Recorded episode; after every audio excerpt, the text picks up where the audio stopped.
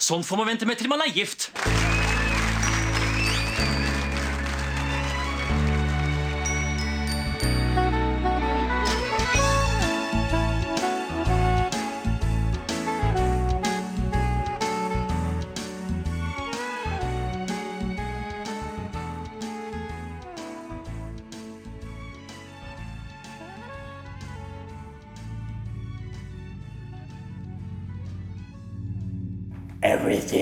So cold.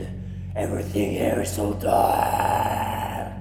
I remember was here I die by following the freezing moon.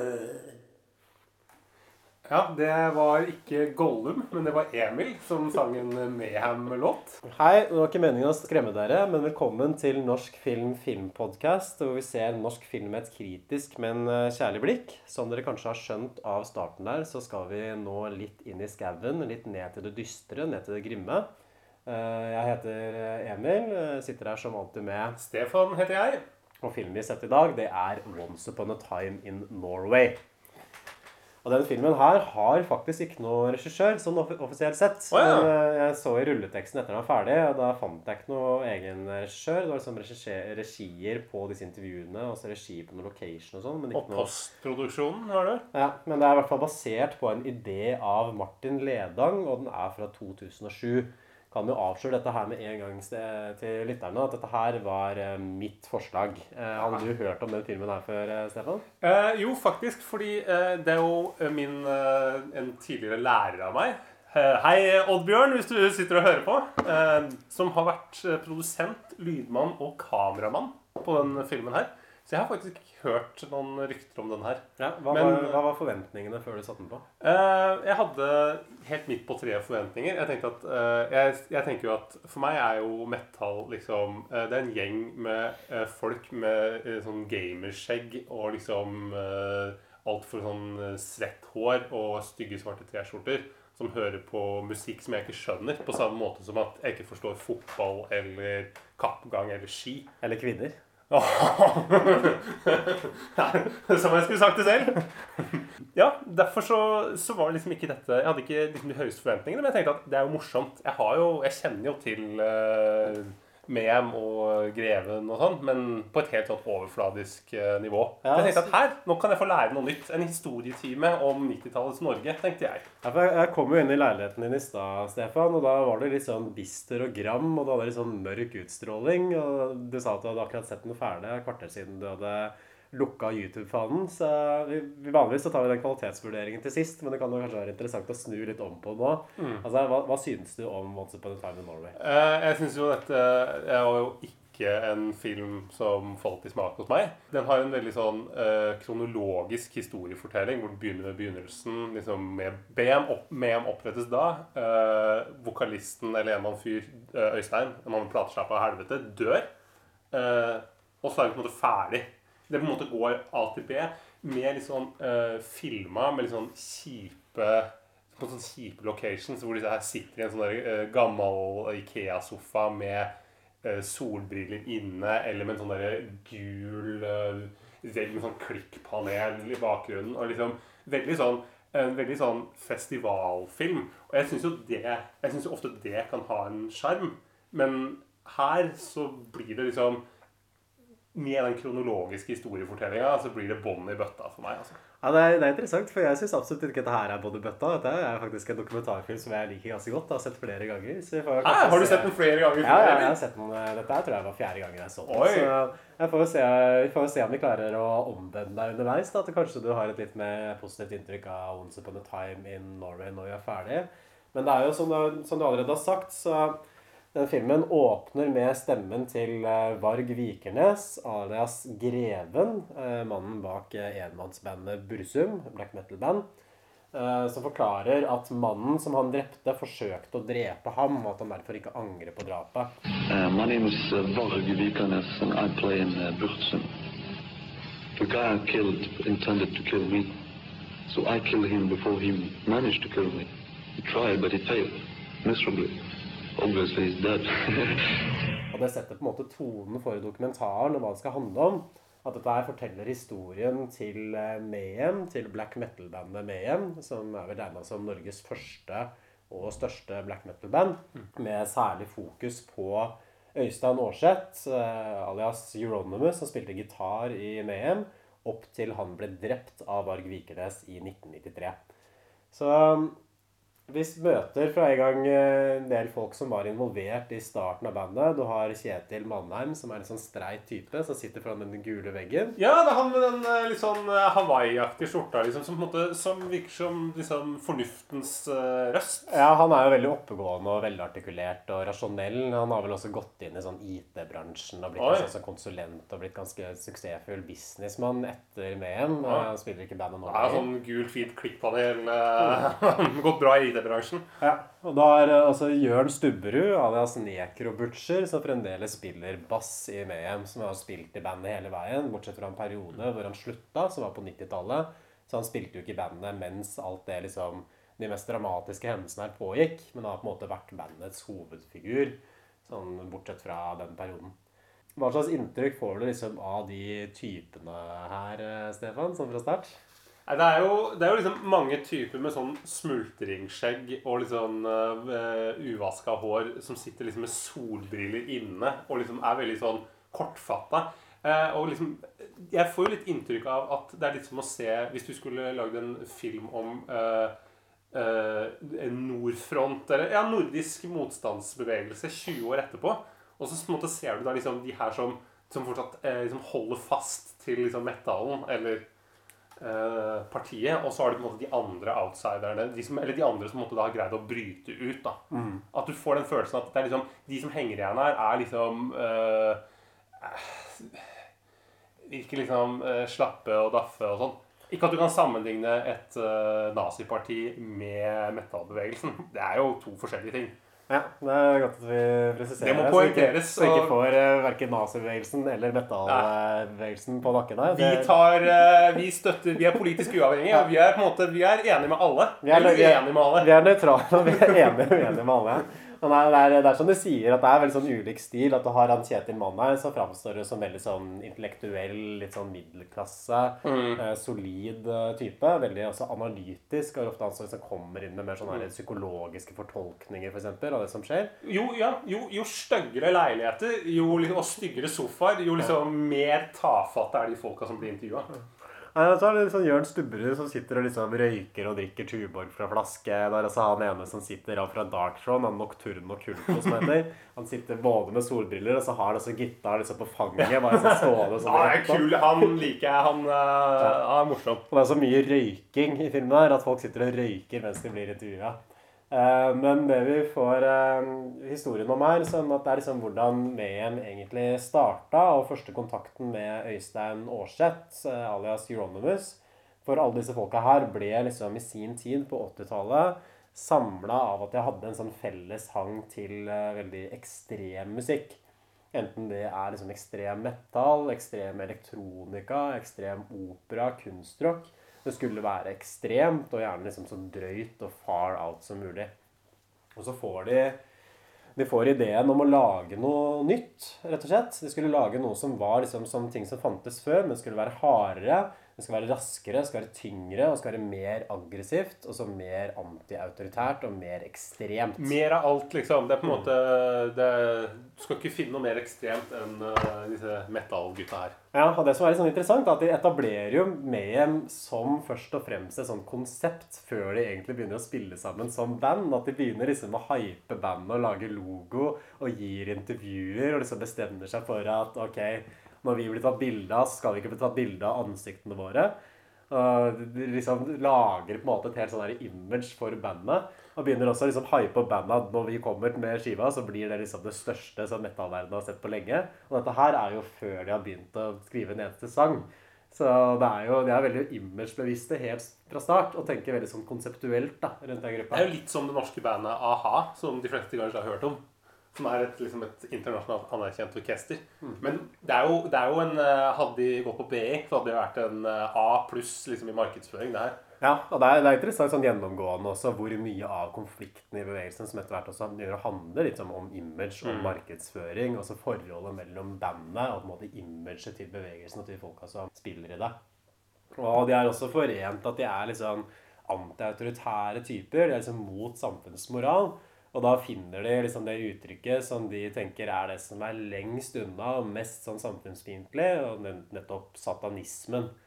Så hva slags inntrykk fikk du liksom av satanismen til de gutta her, eh, Stefan? Eh, jeg fikk jo inntrykk av at, at det var eh, at, det var at det var reelt. At mange av disse her var, var liksom harde typer.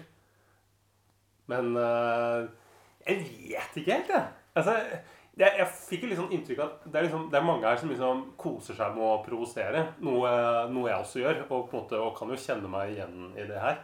At det, måte, det er jo gøy å provosere. Men så men så, jeg vet ikke, jeg, jeg synes ikke De fleste av dem ikke, de greier ikke helt å forklare liksom, hva de eh, Hvorfor de er satanister, eller hva de, hva de setter pris på med det her. Det er veldig sånn kort. Ja, det er ganske vagt. Og du blir introdusert for en som ikke spilte med med en, men som er en sånn hovedkilde. Han Anders eh, Odden, eller Neddo som han blir kalt. Det er han som står utafor der med de solbrillene som står og røyker med sånn svartfarga hår, hvis du husker han. Ja, Han som er, han eneste som er filmet, han er filma ute i en sånn eplehage eller noe. Mm. Og han snakker om at det er liksom to elementer. At du har en sånn dødskult, altså en dyrkning av døden, som er det ene. Og så har du elitisme. Altså liksom at de tenker på seg sjøl som supermennesker og over samfunnet og dyrker sin egen Det er liksom rart hvordan folk som liksom ikke ser ut som supermennesker, alltid tror de er det. Det syns jeg er veldig fascinerende. De to elementene som jeg syns det egentlig er mest, det er jo dødskult-greiene, og så er det på en måte sånn elitiske holdninger. da, Sånn Nietzsche og sånne ting. Nihilisme. Det er en sånn ekstremt nihilistisk tankegang. Og det samme finner du innenfor eh, nazismen. Dette er eh, overmenneske... Ja, det er, det- man må jo også huske på at de gutta her var jo sånn 14-15-16 år da de ble Så det er jo en del sånn umoden fascinasjon. Og det er som han ene sier sånn Vi bodde jo ikke akkurat i noen krypter og spiste gråstein hele tiden. At det er først og fremst et liksom image, og ikke noe de tar alvorlig. Politisk sett så har de fra start av litt sånn uklar tilhørighet. At du har Øystein Euronymous, som er eh, kommunist. Og neker og Butcher sier da at han ble litt sånn pissed off, som han sier det, pga. den kommunistiske ideologien. Ikke fordi liksom ideologien i seg selv, men fordi det innebar det at han Øystein drev og sendte ut gratis plater til Kina, Albania og alle disse andre drittlanda. Noe som gikk utover økonomien til bandet. Jeg var pissed off på den kommunistiske ideen hans. Eh, Men eh, ikke pga. at han hadde de ideene. For det brydde jo ikke meg noe særlig. Men det at han sendte ut gratis plater og, og med porto til Kina Kina, Albania og alle disse andre drittlanda for å Ja, uansett så gikk det utover økonomien i bandet. En del av inntektene til meg gikk jo til å støtte eh, politisk aktivitet på, på ytterste røde fløy eh, i en periode. Og det var jo Øystein som ønsket å kanalisere pengene dit. Så. Og det er, også veldig sånn uklart hvor dypt kommunismen stakk for uh, Aarseth. da. At Han ble liksom til, tiltrukket av det brutale og det som var autoritært. Ja, det ekstreme virker det som. Liksom alle ytterfløyer av ting er liksom ting som han Så lenge det liksom er provoserende og på en måte på kanten. Ja, Han tok avstand fra KPML da de tok avstand fra Paul Pott. Mm. ikke sant? Paul Pott er jo det, det, det verste regimet i verden. Det var jo bare et regime som Hvor mange millioner var det han drepte? Ja, Jeg drepte vel to millioner, sånn omtrent halvparten av Kambodsjas befolkning. Og det var jo det de rakk også. De satt jo bare ved makten i to år. Starta Fikk makten, begynte å drepe folk, og så drepte folk helt fram til regimet ble avsatt. Jævlig produktiv, med andre. Mm. Og det der de kommunister flest liksom forsøker å se kanskje liksom bort fra disse liksom gulag og folkemord og det der mer sånn hårde sidene ved kommunismen, så virker det mer som at det var nettopp det han uh, Euronymous likte. da. Det var det som trakk han til det. Og da kommunismen ble for soft, så var det ikke noe interessant lenger. Og det er en sånn interessant skildring her også av en veldig annen musikkultur og en annen måte å liksom ha et musikkmiljø da enn det man har nå. Dette er jo før internett, så veldig mye av musikken ble formidla gjennom brevveksling. At man liksom hadde blader som var trykt opp på gutterommet til noen. Sånne der fanziner. eh, ryggmerker på jakker. Og alt ble sendt rundt via posten. Og veldig sånn lite organisert. Men man likevel klarte på en eller annen måte å lage et sånt globalt nettverk av folk som interesserte seg for disse tingene her. Som gjorde at Mayhem ble verdenskjente. Fordi det, i denne, ikke på en stor skala, men i denne veldig sånn marginale scenen, eh, allerede før de hadde begynt å spille inn noe materiale selv. Så kommer et av de store vendepunktene i, eh, i eh, Mayhems historie, for vi blir introdusert for en vokalist fra Søta Bror. Altså Pelle eller Dead. Kan ikke du si litt om han Pelle? Eh, ja, du, var det, var det også en fyr med solbriller? For meg gikk det litt sånn i surr. Nei, det er han, det er han vokalisten som begynner i Mayhem, som kommer fra Sverige. Å ja, det er helt eh, Der eh, Det gikk meg hus forbi. Ja, det, det, er han som sender den pakken til dem, og så inneholder en sånn korsfesta mus. At han blir først kjent med bandet at han sender en kassett, og så i, i den pakken så er det også en mus som er korsfesta. Ja, Var det han som hadde masse døde mus under senga si? Ja, og så Ja. sånn gravde ned klærne sine for å få sånn Ja! lydlukt på ja, ja, ja han, han, og han begravde seg selv òg. Han Mm. gravde seg selv ned og liksom lå i en, uh, i en grav. For at han måtte skulle kjenne på hvordan det var. Ja. Og dette her, dette skjønner jo at dette her er en uh, Han er ikke helt uh, på G. Han er ikke helt stabil. Han er ikke, han er ikke helt god, Nei. rett. Han er en Kling i ding i bollen. Han er en talentfull fyr, men han er veldig deprimert og suicidal. Og det de forklarer det som, er at han hadde visstnok en sånn nær døden-opplevelse som tiåring, hvor han fikk en sprekt milt. Nå var han klinisk død en periode, så han så liksom noe lys og noen tunneler og alt det der. Og etter dette her så ble han veldig sånn fascinert av døden. Så han hadde også sånn døde kråker i studio i sånne der papirposer som han drev liksom og sniffa i sånn for å få inspirasjon til eh, å synge. Og så hadde han døde fugler under senga. Var det, vel. det var det som var greia. Ja. Og det er vel eh, Det som skjer med denne Pelle-fyren, er vel at eh, Øystein finner Altså han helvetefyren finner Pelle død.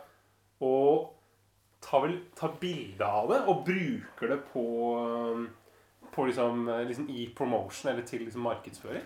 Den holdningen som Øystein hadde til Pelles død, det han gjorde eh, Han tok bilder og tok biter av kraniet og eh, gjorde en del sånne ting.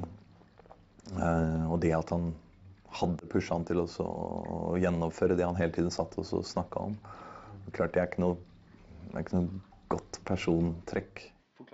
Ja, ja, fordi han, Øystein er jo veldig fascinert av liksom den der døds, dødsdrivet da, til, til Dead, og romantisert det også. Og det blir liksom en sånn positiv ting for imaget til Mayhem, tenker han. At liksom har med seg sånn fyr.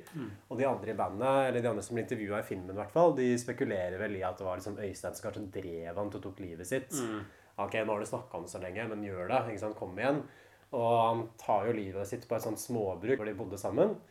Og hvor eh, Øystein da hadde dratt bort. Og så er det en del av de andre som tror at dette her gjorde han liksom i overlegg. At han visste at han kom til å ta livet sitt. Og han eh, kommer, liksom finner eh, kompisen død og tar bilde av han. Og liksom tar biter av hjerneskallen og putter det på sånne halskjeder. Sender det ned til Sender det ned til Ungarn, er det vel, og det blir et sånt albumcover, dette bildet. Så det er fortsatt mulig å oppdrive. Og gir vel en del av de bitene av den hodeskallen til vennene sine og sånn. Som på en måte folk kan like godt. De får en bit av hodeskallen. Ja, da blir det en del av den innerste sorte kretsen. Er det ikke, er det, ikke det de kaller det? Eh, Det han visstnok også gjorde, var at han drev og arrangerte rundt om på ting. F.eks. at han la en sånn kniv rett ved siden av liket, at det skulle se litt sånn bedre ut. Mer sånn fotogenisk. Men hva tror du er det som dreiv Euronymous eh, der, eh, Stefan?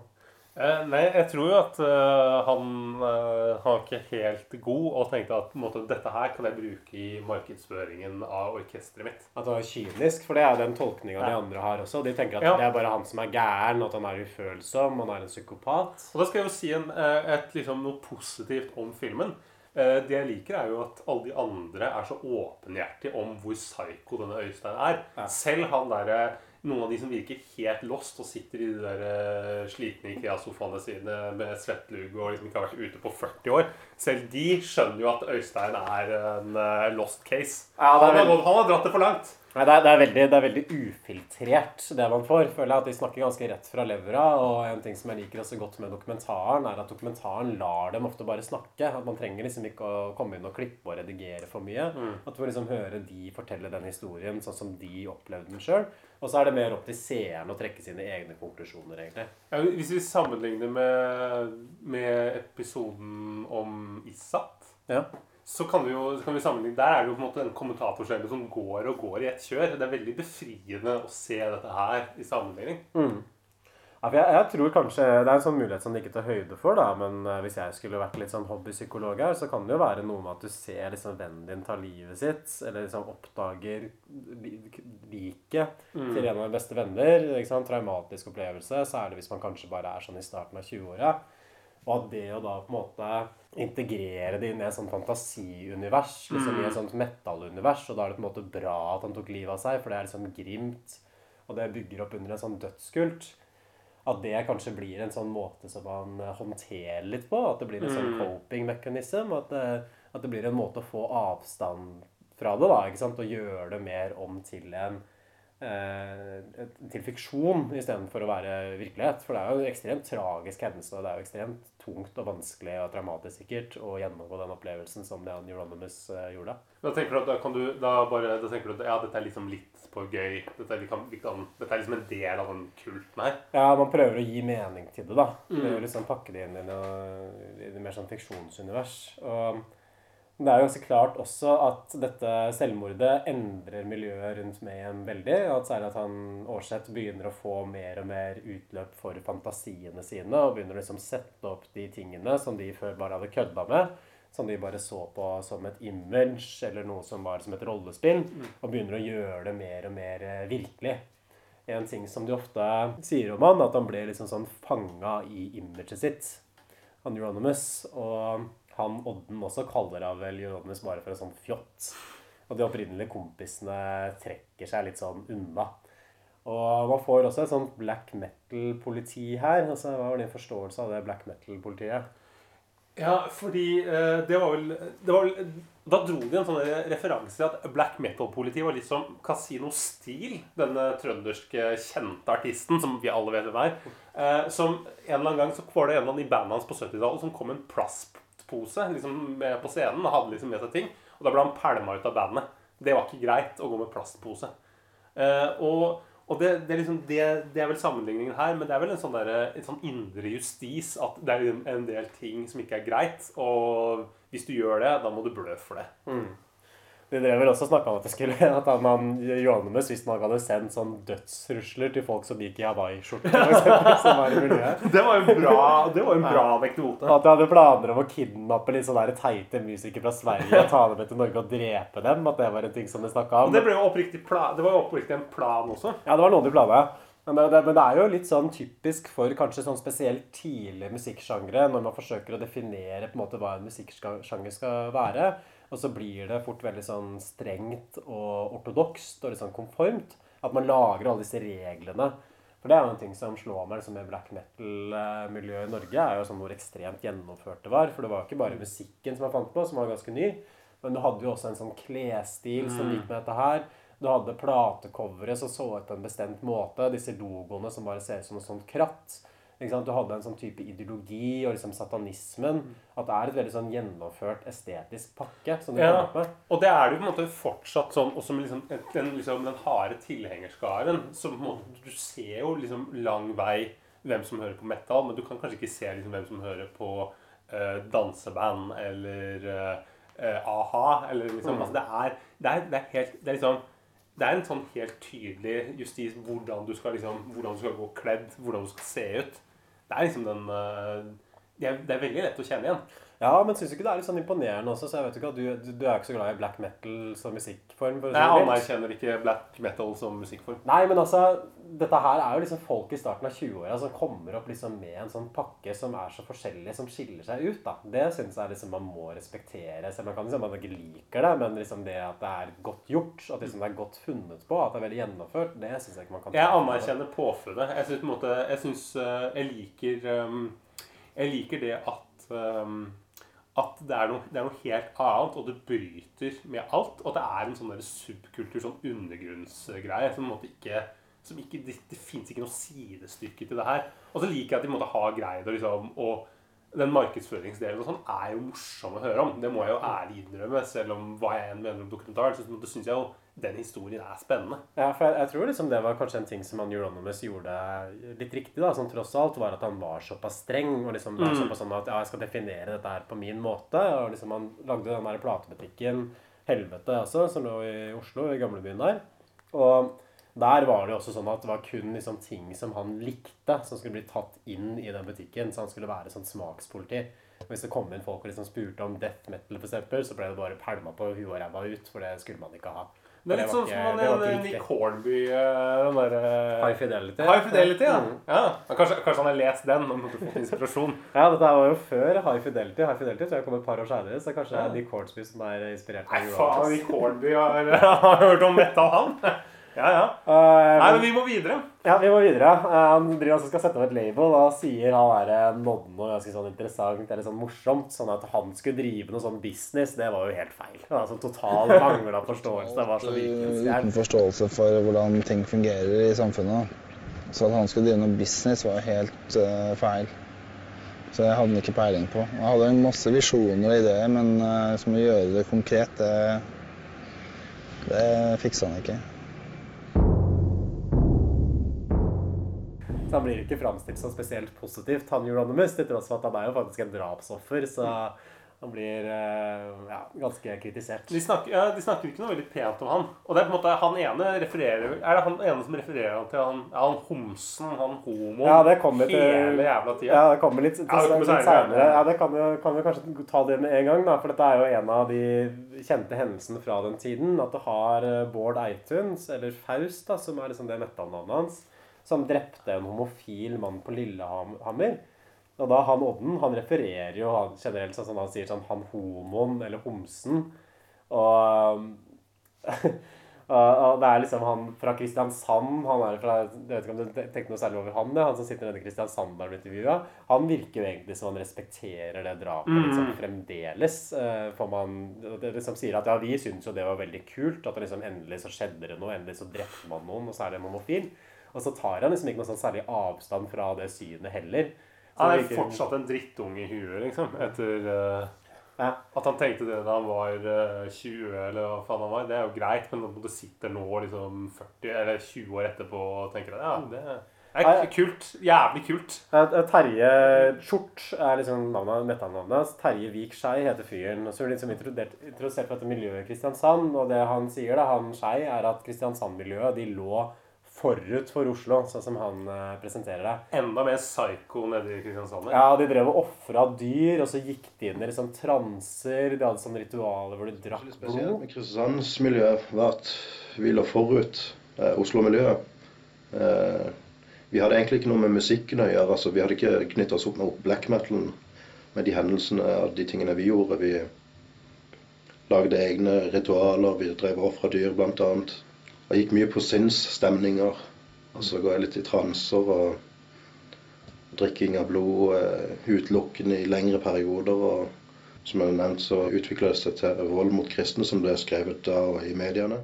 Og etter hvert så begynte vi også å ha sånn voldelige angrep retta mot kristne folk. Og han syns jeg framstår som helt sånn psyko, egentlig. Også i at han sier sånn Det er mye prat i Oslo, men ikke noe, gjen, ikke noe gjennomføringsevne. At de bare drev og prata. Mens i Kristiansand de var liksom de som faktisk fikk til ting, og faktisk drev og banka. Det, de sa om, det, var det, det var det fascisten i Italia sa om uh, Mussolini òg. Mm. Det Hva syns du om han, eh, Skei? Hva- Uh, eh, nei, jeg syns han, eh, han Han virker jo som en fyr som måtte, Han har ikke utvikla seg det grann siden han var 16 år. Han virker jo som en sånn derre eh, sånn Jævla taper som sitter nede der og bare holder på. Mm. Og du kan jo han er vel også litt på at han forsvarer de der kirkebrenningene. For Ja. det også er jo liksom en sentral del av dette her. Som kanskje liksom folk flest, da, når de på en måte tenker på eh, svartmetall, eh, som media kaller det, eller eh, satanrockere, så er det, er det kirkebedringene de tenker på. Ja, fordi det her kommer jo ganske snart, og, og en av de også store vendepunktene i denne historien her, tror jeg, er når man får, eh, får inn Varg Vikernes, altså greven.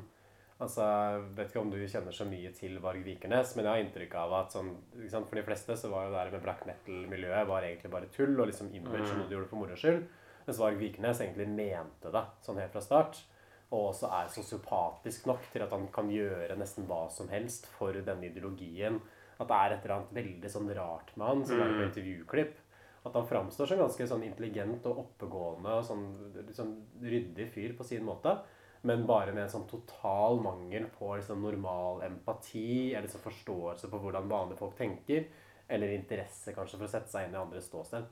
Og det er jo etter at Varg Vikernes kommer liksom inn, er at man også begynner med disse kirkebrannene. Mange av de kirkebrannene har vel aldri blitt sånn oppklart, tror jeg. At man har ikke klart å finne at jeg vet at Varg Vikernes ble jo dømt for de fleste av dem, men Mm. han har jo sagt at det gjorde han ikke. Mens han tilsto drap på Euronymous, men han tilsto ikke kirkebrannene. Mm. Og jeg tenderer kanskje til å tro på han der, fordi han hadde ikke hatt noe å tape på det, for han fikk jo uansett 21 år, så da kunne jo like gjerne tilstå Mm. kirkebrannene også. Og det er vel det som litt sånn underliggende blir sagt av de eh, i den dokumentaren her òg, at eh, det var veldig mye folk som på en måte bare hang seg på det her og var villige til å gjøre hva som helst for å på en måte være liksom en av gutta eller kul i det miljøet der. Som folk som ringte dem og sa liksom at ja, jeg, vil, jeg, jeg skal tenne på en kirkekveld.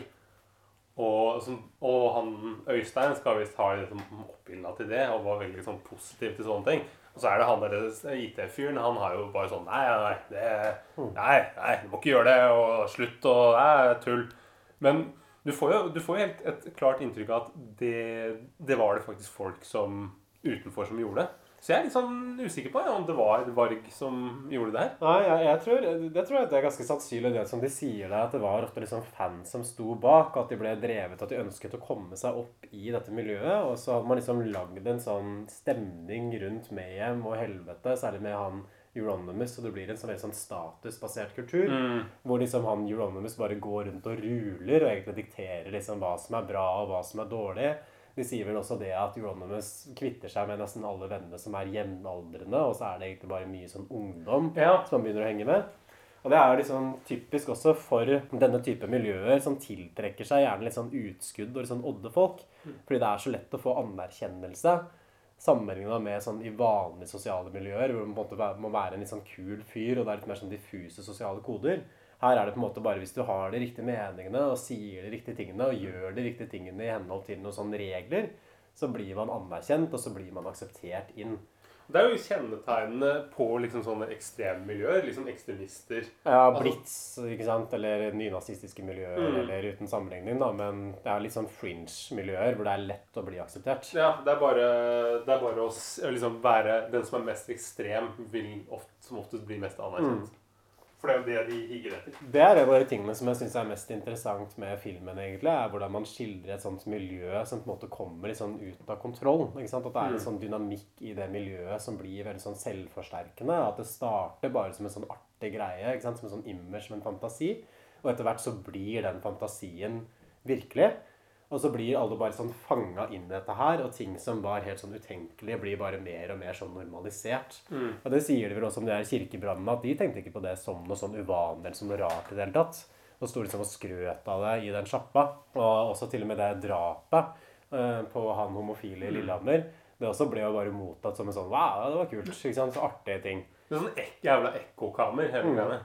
Så det viser jo hvor, liksom, hvordan ting blir normalisert. da, ikke sant? Mm. Og jeg tror man kan overføre det til litt sånn andre ting også. sånn Andre typer radikalisme eller ekstremisme. Ja, for det er jo, Problemet er jo at du blir jo eh, Det er vel en greie at du blir, du blir mer du blir jo mer og mer radikalisert fordi at de eneste personene du snakker med, er folk innafor ditt Mm. eget miljø, som mener akkurat det samme som deg. Du møter, og Etter hvert så isolerer du deg fra omverdenen.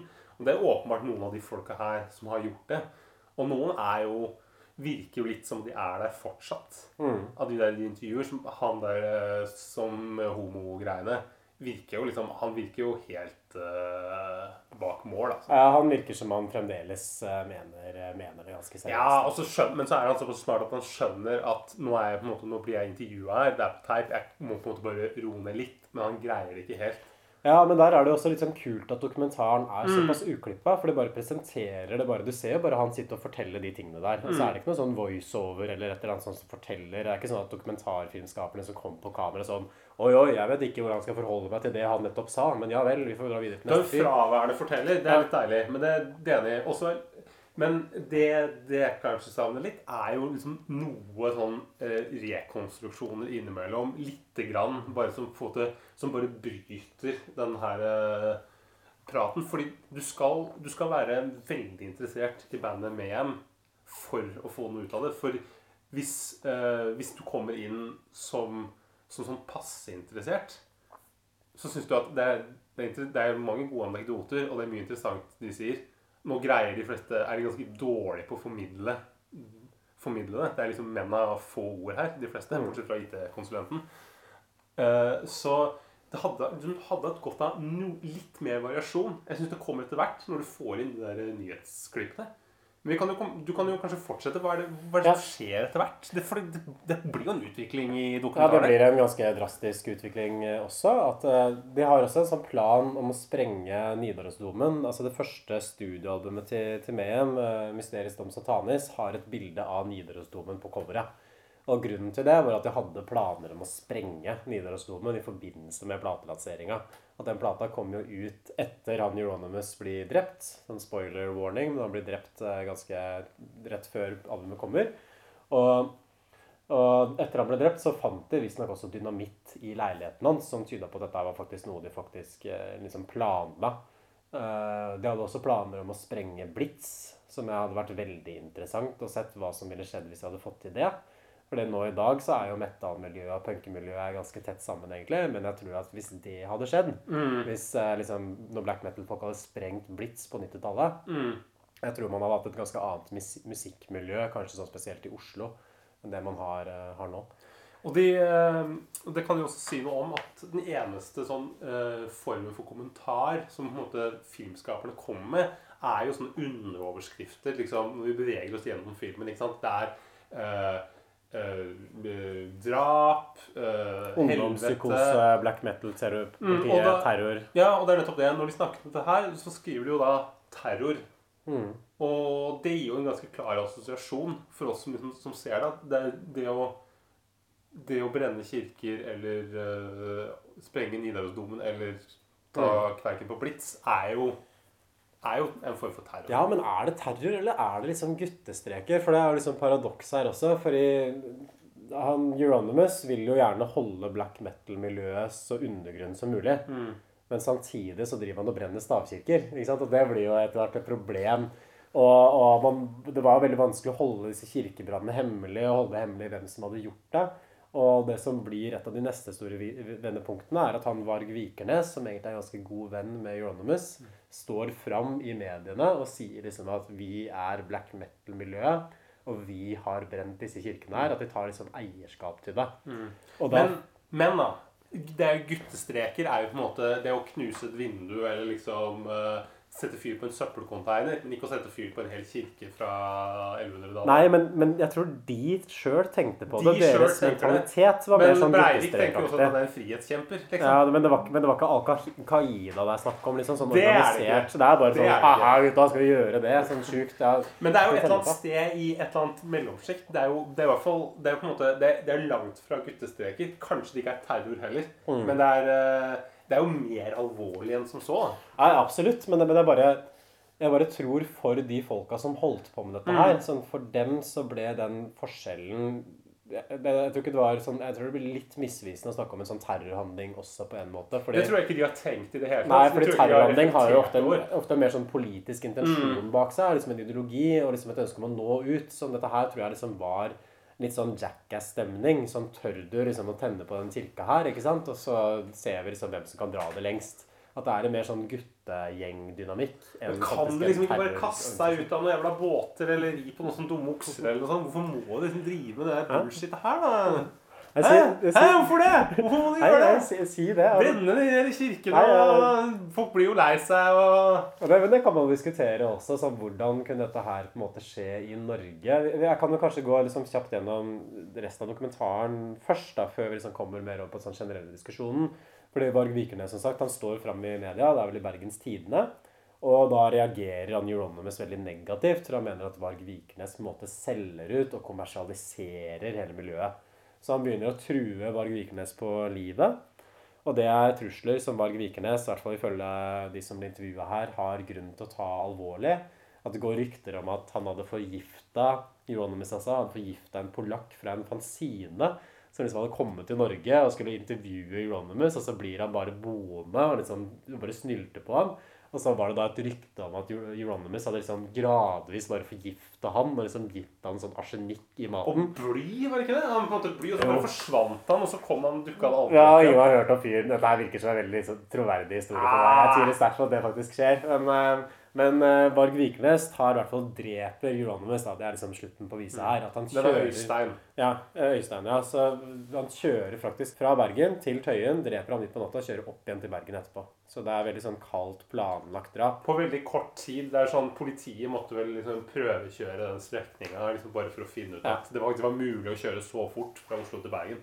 Og Mannheim mener at dette her egentlig bare handler om en sånn statuskonflikt. At det handler om promotion, egentlig. Mm. At Varg Vikernes ser liksom at Øystein er eh, Eller Euron- Er kongen i er- Ja, kongen på haugen. selv er prinsen. Ja, og han har lyst til å komme seg lenger opp. ikke sant? Og det er at uh, Euronymous er så motivert av å forsøke å holde Varg Vikernes nede. Så det handler i grunn, det er nesten et slags sånn PR-move, dette drapet. Det skal jo sies at Mannheim har gått inn i liksom, IT-reklamebransjen sjøl, så det er kanskje derfor han har det blikket på det. Men en annen ting som er litt sånn interessant, er at det er så mange som er, sånn, som er så likegyldige til det drapet, Mm. til at han Euronymous ble drept. Sånn som han Odden beskriver det som en sånn lettelse. Da kunne man bare endelig liksom gi faen i hele fyren, og så var man ferdig liksom med det tullet hans som han holdt på med.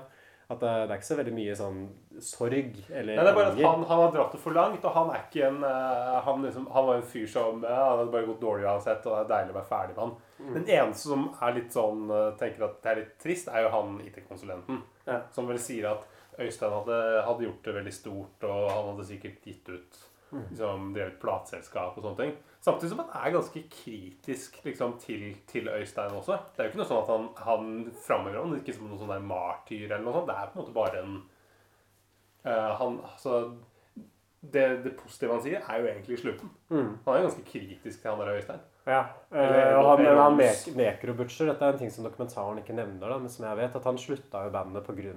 at han tok det, de bildene av han Pelle som hadde skutt seg.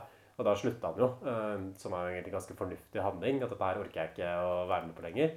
Og han har vel sagt det som at han kunne drept den sjøl. At han liksom hadde planlagt å gjøre det. Oi. Hvis ikke det var for at eh, Varg Vikernes hadde kommet han i forkjøpet. Og en annen ting som er interessant, er at Varg Vikernes begynte å spille bass i Mayhem, og spiller også bass på debutskiva til, eh, til Mayhem, 'Mysteriets dom satanis'. Så det vil jo være et av de få albumene hvor du har drapsmann og offer som spiller på samme album i samme band. Og mora til Euronymous hadde visstnok liksom kontakta bandet og liksom bedt dem sånn Kan ikke dere spille over de basspartiene på nytt? For jeg syns ikke det er så noe særlig liksom at det skal ha Varg Vikernes som drepte sønnen min, som skal spille på dette albumet. Men sitter mora til han der eh, Eronimus og hører på dette her? liksom på Nei, men tydelig, tydelig, det, det er jo, jeg, jeg kan forstå det. Og da hadde visst liksom bandet sagt han Hellhammer, han spiller trommer. Ja, ja, det fikser vi. Og så har han latt være, for han tenkte at det var litt sånn grimt. Så det, det er de originale basspartiene som fortsatt er med på plata. Men hun merka jo ikke forskjell uansett, så det er jo like det. Nei, det, det vil jeg nok tro. Uh, men en ting som er liksom interessant her, er jo å spørre seg om sånn, hvordan er dette her påvirker måten man opplever, liksom, opplever musikken på. At det er et sånn funny intervju sånn på starten av, slutten av filmen med en journalist, sånn engelskspråklig journalist fra Metal Hammer. Hvor han sier liksom And the music was brilliant. Not so brilliant was the burning of churches, churches and murder, of course, is out of the question. I think they were in an extreme frame of mind, which framed an extreme music, which framed an extreme piece of art, which was brilliant. Not so brilliant is the burning of churches, for example, which are cultural monuments, and I heavily disagree with the burning of stuffed churches being cultural monuments. Um, so, and of course, murder is out of the question completely. And I do not think that grave desecration is something that should be done or very nice. But that was that. That's not what made Norwegian music, Norwegian black metal so important. It was the value of the art these people were creating, not the crimes. That's a complete misconception. Det er sånn artig at han føler liksom behovet for å presisere det. At Som er selvfølgelig, jeg tenker jeg. Du trenger ikke å si det. Altså. Mord, det tar jeg avstand fra. Ja, så kult. Det er bra for deg. Men han argumenterer også for at det er liksom musikken og ikke drama da, som har gjort at norsk black metal har blitt såpass innflytelsesrikt og Mm. blitt såpass populært som, som det er. Jeg tror det kanskje er litt mer sånn komplisert Ja, enn som så, jeg egentlig. Hva tenker du om det, Steven? Altså, jeg tror jo hvis, hvis du ikke hadde hatt all- alle de gimmickene rundt, og den der kirkebrenninga og sånn, så hadde dette liksom Det hadde aldri fått den medieoppmerksomheten som du fikk, og heller ikke nådd ut. Det er jo litt sånn derre Og spesielt når du ser det liksom noen år etterpå. måtte, For det var jo først, var først en del år etter kirkebrenningene at dette her ble litt større internasjonalt. Så det er jo når du kan se det liksom ikke som sånn terror som pågår nå, hvis vi kan kalle det terror, jeg vet ikke egentlig hva vi kan kalle det, men ehm, når du ser det liksom e- e- noen år uh, liksom litt fra avstand, så er framstår det sånn Ah, de var I gamle dager, da var de dumme, da gjorde de mye gøy, og faen, ja, det var andre tider, og ikke sant? Når du ser det med, med historiens briller på, så blir det, litt, blir det jo litt fascinerende. Jeg blir jo liksom fascinert uh, selv av det. Gir det deg lyst til å gå og sjekke ut eh, Nehem og Bursum og høre på musikken? Eh, Jeg har allerede gjort det. Jeg syns det er ikke jeg, det er, det, er ikke, det er ikke bra Bare fortsett, du. Men en, en annen ting som er interessant å diskutere her, er sånn hvorfor gikk det liksom så langt som det det gjorde? Sånn, hvordan kunne dette her skje liksom i Norge? Av for det er jo en helt, sånn- det er jo en helt vill historie. Liksom Et selvmord, også det drapet, og i kir kirkebranner flere drap. At det er veldig få andre musikkmiljøer på global basis Mm. hvor det har såpass dramatisk historie på såpass kort tid. Så hva var det som skjedde her? Nei, det, det lurer jeg jo litt på, jeg også. Jeg syns jo eh, Ja, men det er jo, jo 90-tallet, da. Det er jo på en måte Ikke sant? Det var øh, øh, Nynazistene, liksom det var, det var et stort sånt motkulturelt miljø. ikke sant? Høy, det var, liksom, det var jo høyreekstremisme var jo på, liksom på fremmarsj i Norden. I, I Sverige så fikk du liksom alle de asylmottakene som ble tent på. Ny Demokrati, liksom de misnøyespartiene, liksom Frp, som kom på banen. Det er jo øh, Det var jo helt tydelig at i den perioden så gikk jo samfunnet veldig mot høyre. Og jeg tror jo eh, ikke at, eh, at, at, dette, at, liksom, at dette nødvendigvis er eh, nazister eller rasister, men det er, no, det er jo noe av den samme, samme greia. Det er denne opposisjonen, liksom det ekstreme liksom eh, At du måtte du opponerer mot samfunnet på en eller annen måte. Og Ja. på 70-tallet så var det på en måte mot venstre, og, nå kom, og også tidlig 80, og nå går vi mot høyre. Ja, det, det er en ting som filmen kanskje som går litt kjapt over, er den koblinga mellom black metal og høyreekstremisme. Sånn som Varg Vikernes har jo ettertid blitt kjent som en ganske sånn prinsipiell nazist, egentlig. Og det var veldig mye sånn flørt med nazismen og fascismen, som særlig Eller spesielt sånn estetisk, da, men også litt Fordi- politisk også i black metal. Fordi den elitismen er jo Det er jo henta, rett fra fascismen. liksom, Under Mussolini. Det er jo akkurat det, det er jo det er jo det samme. Det at du dyrker deg selv som et overmenneske. Mm. Det jo, så det er jo noe av den samme ideologien i bunnen her. Selv om jeg er litt sånn usikker på om, om, de, om, om det er veldig mange her som har tenkt så veldig mye over det. Nei, Du har jo en album av Dark Throne. Dark Throne er jo et av de beste black metal-bandene, egentlig. Og litt sånn sympatiske typer også. Men der står det jo på bakcoveret på en av skivene deres sånn True Aryan Norwegian black metal. Mm. Altså sånn arisk norsk black metal. Og det tror jeg egentlig bare var en sånn rein provokasjon. At de liksom visste ikke bedre, Mm. rett og slett. Eh, Men det er jo veldig mange den type ting. Og jeg tror jo også, hvis du har på en måte et sånt miljø som lefler med den type symbolikk, Mm. liksom med den type temaer, så vil man jo tiltrekke seg folk også som faktisk tror på det. på et eller annet Ja, tidspunkt. og vi har jo Det fins jo liksom i 90, På 90-tallet i Sverige så hadde vi jo et band som het uh, Ultima Thule. Som var et sånt uh, orkester som etter hvert ble boikotta fordi at det liksom ble brukt av liksom høyreekstreme miljøer. Og, så det, det er jo en kobling der. At liksom det er, det er noen sammenfallende Ja, og så tror jeg også det er bare en sånn en interessant liksom, case på kraften som kan være i sånne små, liksom, lukka sosiale grupper. Og særlig Sånn som det alltid sier med han Euronymous. Ja, han blir fanga i imaget sitt. Det starter som ironi. Det starter som en lek. Og etter hvert så begynner han å tro på det sjøl. Så han blir mer og mer radikal og maler seg opp et hjørne. Og det blir veldig vanskelig å liksom, finne forskjellen mellom hva er det som er image, og hva er det som er eh, realitet. Mm. Og spesielt da når det liksom tiltrekker seg også en del sånn utskudd. Folk som kanskje har liksom psykiske problemer, som har liksom ekstreme ståsteder. Og det blir en slags sånn interessant liksom, økonomi hvor det gjelder bare å være mest mulig ekstrem. Mm. Dette har man jo liksom sett i Nazi-Tyskland f.eks. også. så det er, man mener at Noe av grunnen til at Nazi-Tyskland ble såpass brutalt, var at sånn internt i SS og liksom nazistiske, nazistiske staten så var det sånn at jo mer liksom, drøy og radikal du var, jo mer hard du var på linja, jo høyere kom du opp liksom, i partihierarkiet. Så man kunne liksom ha folk som egentlig ikke trodde sånn innerst inne på ideologien, men det lønte seg for dem å si det, for det var bra for dem karrieremessig. Og på denne måten så skapte man en sånn dynamikk hvor det som egentlig var sånn helt utenkelig i utgangspunktet, etter hvert ble veldig mulig, og til slutt liksom framsto bare som en helt sånn fornuftig måte å ha løsning på. Og jeg tror man ser litt av det samme i den Mayhem-historien også, egentlig, spesielt rundt han Euronymous. Bare igjen selvfølgelig en mye mindre skala.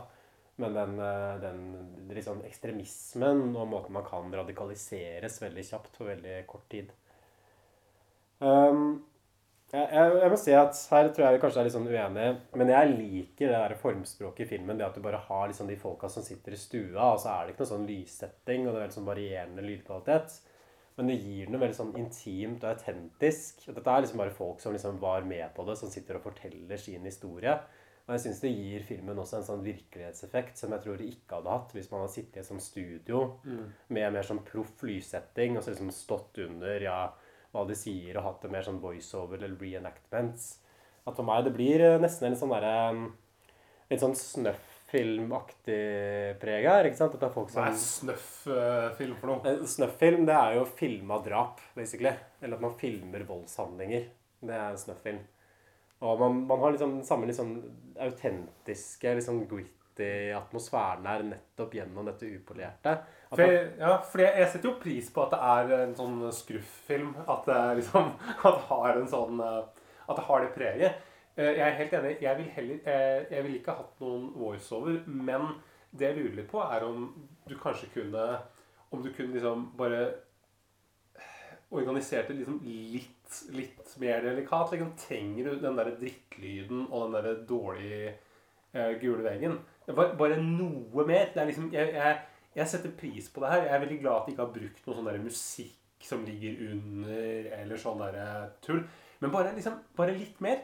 Samtidig så skal du si at det, det, som, det som er fint, er jo at du ser jo at de som har laget her, er jo folk som oppriktig er interessert i MEM. Det er jo derfor de har tatt kontakt med dette her. Dette er lagd Det er jo sånn fortellerglede, sånn skaperglede, som ligger bak det. Som gjør seg utrolig godt som en festivalfilm. Mm. Altså, og, eh, og på en måte og, og mange av de historiene de forteller i seg selv, er jo, det er jo morsomme anekdoter. Mm. Problem, men det som igjen er problemet, er jo at mange av de her folka de, de kan jo ikke kommunisere for fem øre. Nei, men, men da, da kan man jo høre liksom på det. Det er jo folk som var med på dette her, som var det da skjedde, som forteller eh, sin historie på, på en veldig sånn direkte og ufiltrert måte. At de sier også ting som er ganske sånn ukorrekt. Eller sånn, som reflekterer kanskje Mm, ja, på for Ja, det, det, det får du jo igjen. Det er jo Mm. bra. Og da må man jo som, som, som seer liksom selv ta stilling og selv komme med sin egen tolkning. Mm. Og at det er ganske sånn forskjellige tolkninger som de ulike folka kommer med også, uten at filmen gjør noe sånn stort poeng av det. Uh, men jeg, jeg, jeg, jeg må si at jeg, setter nesten pris på alle de tingene som du liksom etterlyser. Det setter jeg pris på at det ikke er der, for det føles liksom som at man blir fortalt en slags hemmelighet. ikke sant? Man kan tenke seg liksom Hvis man har møtt en av disse folka liksom på et nachspiel, sånn, og så begynner du bare å fortelle At du hjemme han i. Ja, Mm. At du får en sånn intimitet ved det, som gjør at historien liksom framstår som kanskje mer sånn autentisk enn det det ville vært gjort hvis det var en mer sånn konvensjonell dokumentar, og som jeg også syns at passer ganske godt egentlig til det miljøet som filmen handler om. Jeg tror på ingen måte som helst det var tiltenkt. Jeg tror at det er veldig sånn amatørproduksjon, men jeg vil si at filmatisk sett så er det en litt sånn overensstemmelse her mellom det filmen formidler, og liksom det filmen handler om, og hvordan film, filmen ser ut og liksom er å være i. Selv om man kan jo nesten like gjerne bare ta på seg hodetelefoner og liksom ta oppvasken og så bare høre på filmen. At man trenger egentlig ikke å se det, for det er ikke noe visuelt der i det hele tatt. Nei, fordi det er, det er ingen uh, Altså, det, det, hadde, det hadde fungert bedre for meg som en podkast enn som en film. Jeg skjønner ikke hvorfor det skal være en film. Altså, det er gøy å se Det er, liksom, det er litt gøy å se bilde av de folka. Men bak disse solbrillene og smultringskjegget så ser vi ikke så mye mimikk. Det er jo steinansikt. Nei, men er det ikke sånn interessant også? Sånn som dere sitter og snakker om drap på Euron- Euronymous, f.eks., så ser man jo i ansiktet dem hvor kalde mange av de er. ikke sant? Mm. Og de ser at de virkelig ikke likte han fyren der. Og det er veldig sånn forfriskende. For i veldig mange andre sånne dokumentarer så ville dette blitt framstilt som en veldig sånn tragedie. Ja, og så ville, sånn du, ville de sagt noe annet enn det de egentlig mente, eller Ja. spilt litt. Det er jo Mm. veldig Det er jo virker som at det er ganske rett fra levra og direkte her. Ja. Så nei, jeg må si, jeg må si at jeg liker den, altså. Men, øh, men det er helt klart liksom øh, Det er blitt lagd veldig mange ulike filmatiseringer av denne historien, denne Mayhem-historien etter hvert. At det er jo flere forskjellige dokumentarer. Du hadde den Helvete-serien til NRK som fortalte mye av den samme historien. Bare da i en sånn konvensjonell liksom, NRK-dokumentarform. Hvor de sitter i studio med en eh, og blir intervjua og Ja, og arkivopptak og Mm. fortellerstemme og alt det der. Og du har også en eh, spillefilm som heter Lords of Chaos, hvor han Det er vel sønnen til Macaulay Culkin eller noe sånt spiller Euronymous. Mm. Som er en sånn dramatisering av det. Og jeg må si at jeg syns nesten den filmen her gjør, en, gjør den beste jobben i å formidle historien, også på en sånn måte at det blir interessant å diskutere. Og nettopp kanskje ved at den er såpass åpen, da. At Mm. du innbyr seeren til å liksom tenke over hvordan kunne dette her skje? Hva var de viktigste Mm. vendepunktene her? Hvem var Øystein Aarseth egentlig som person? Hva var det som dreiv han? Hvordan påvirker det forholdet vårt til musikken? At det gir rom da, for den type refleksjoner istedenfor å komme med det. Det, det setter jeg egentlig pris på. Men det jeg tror, altså mitt, mitt hovedproblem er, er det der at den kronologiske fortellermetoden som er så forutsigbar, og at hvis den skal funke, så vil jeg gjerne satt liksom, personene litt på forhånd. At vi måtte få et innblikk. Hvem er, hvem er disse folka? Liksom, det eneste, de starter liksom med at de starter, at de starter et orkester liksom med dem. Men hvorfor kan vi ikke, kan vi ikke, kan vi ikke fortelle litt om dem før de begynte, begynte vi med dem? Kan vi ikke måte få liksom, oppvekst? Liksom, hvor er de fra? Jeg, måte, jeg vil ha noe sånn derre vi har noen sånne ting som gjør at jeg kan plassere dem litt. Ikke at vi bare er rett på Mehamn. I 82 så startet vi med Mehamn. Det var veldig spennende. Og så altså, noe mer. Noe mer eh, bakgrunn, liksom. Ikke bare rett på. Hvis de skal kjøre den der kronologiske stilen. Det blir, eh, det blir For meg blir det liksom for, for forutsigbart. Jeg bare sitter Ja, nå, nå, når, når kommer Børsum og dreper eh, Børsum.